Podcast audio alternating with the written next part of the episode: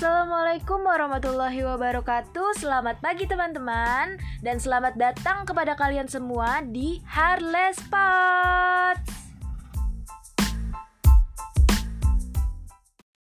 Pada episode kali ini, kita akan membahas pariwisata berbasis sumber daya hayati.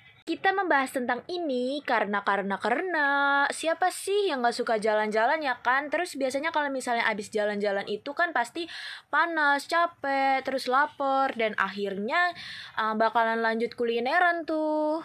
Maka dari itu kita harus menciptakan suatu inovasi mengenai potensi pariwisata dari sumber daya hayati yang ada di lingkungan sekitar kita. Kenapa? Karena dengan cara begitu kita akan mendapatkan suatu keuntungan yang banyak. Mulai dari dapat menyalurkan hobi kita yang jalan-jalan, terus kulineran, terus uh, di samping itu kita juga akan mendapatkan suatu keuntungan berupa uh, pendapatan.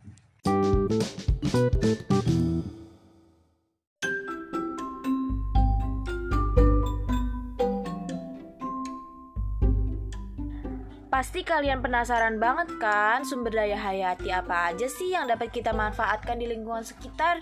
Untuk itu jangan ke mana-mana, tetap di Harless Spots.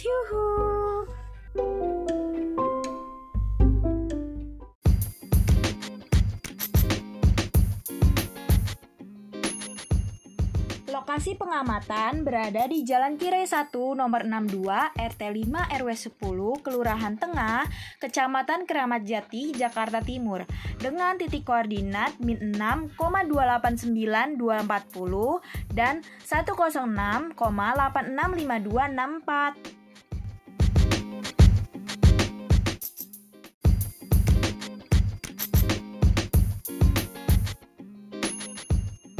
Kawasan habitat yang diamati merupakan kawasan padat penduduk. Ketersediaan lahan yang terbatas membuat masyarakat sekitar menanam tanaman yang berukuran kecil hingga sedang di dalam pot.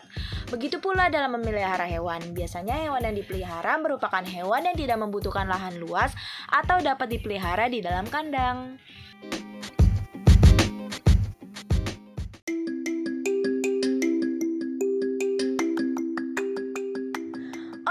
Yang pertama itu ada ular piton albino molurus. Nama latinnya yaitu Piton bistatus. Ular ini memiliki corak kulit yang indah sehingga biasa dijadikan sebagai bahan pembuat tas, dompet, dan sepatu kulit. Selain itu dapat pula dijadikan pajangan di dinding dan banyak orang yang memelihara ular ini dan membudidayakannya karena memiliki nilai estetika yang sangat tinggi.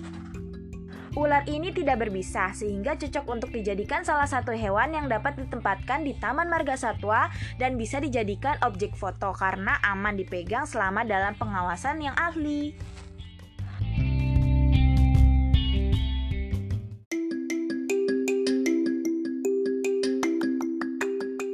Setelah kita melihat ular-ular yang cantik, kita langsung cus pindah ke sesuatu yang bisa menenangkan hati, yaitu dengan melihat yang segar-segar, yang hijau-hijau dan bunga yang berwarna-warni, yaitu ada bunga tasbih. Nama latinnya itu Canatuer keimi.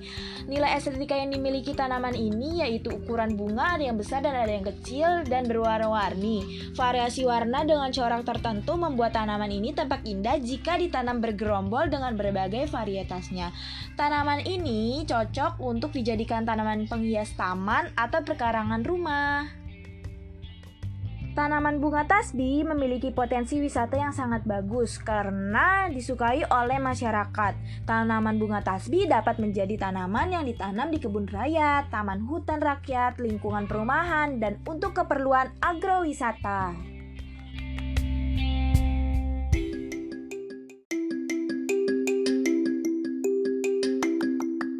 Setelah kita jalan-jalan menikmati pepohonan yang hijau-hijau, berwarna-warni, dan ular-ular yang cantik, kita dapat duduk di pinggir kolam bersantai-santai menikmati keindahan ikan gurami.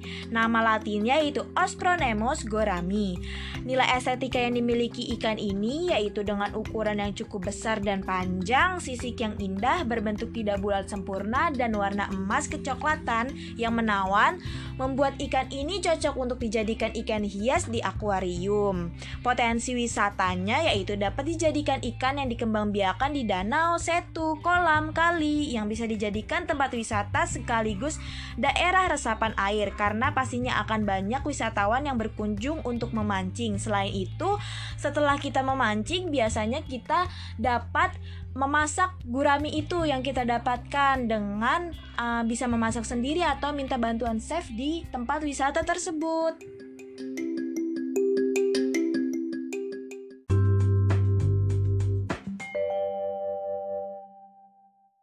Terkait dengan sumber daya hayati yang ada di lingkungan sekitar, bagaimana sih cara yang dapat kita lakukan untuk mengembangkan sumber daya hayati sehingga menghasilkan nilai tambah yang lebih besar pada masa depan?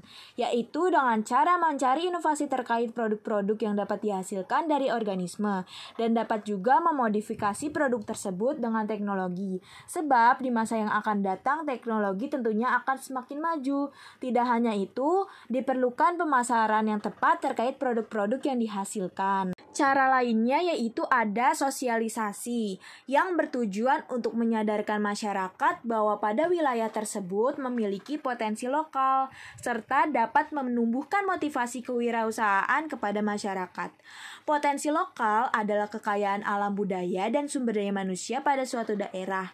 Kondisi alam yang berbeda menyebabkan perbedaan dari ciri khas potensi lokal di setiap wilayah kekhasan bentang alam, perilaku, dan budaya masyarakat setempat, dan kesejahteraan masyarakat membentuk segitiga interaksi yang saling berkaitan. Oleh karena itu, pembangunan dan pengembangan potensi lokal suatu daerah harus memperhatikan ketiga unsur tersebut.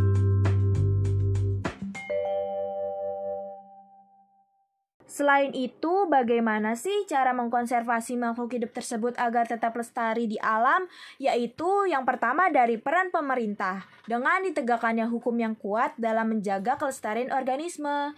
Bagi manusia lainnya dengan ikut serta dalam mensosialisasikan pentingnya kelestarian organisme yang ada, merawat sehingga tetap dalam kondisi yang seimbang dan ikut serta dalam kelompok atau organisasi yang berfokus terhadap kelestarian lingkungan baik flora maupun fauna.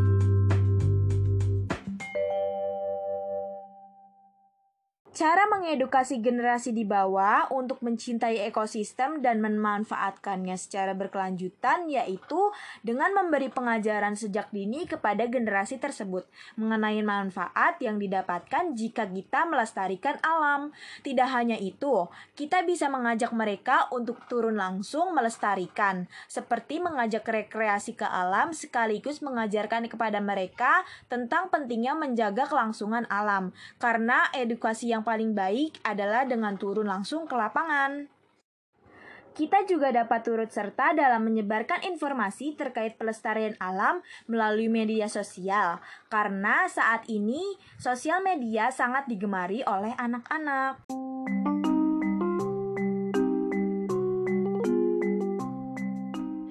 Oke, segitu dulu ya teman-teman. Gak kerasa banget nih, episode pada kali ini akan segera habis. Aku ucapkan terima kasih kepada semua yang telah mendengarkan sampai akhir.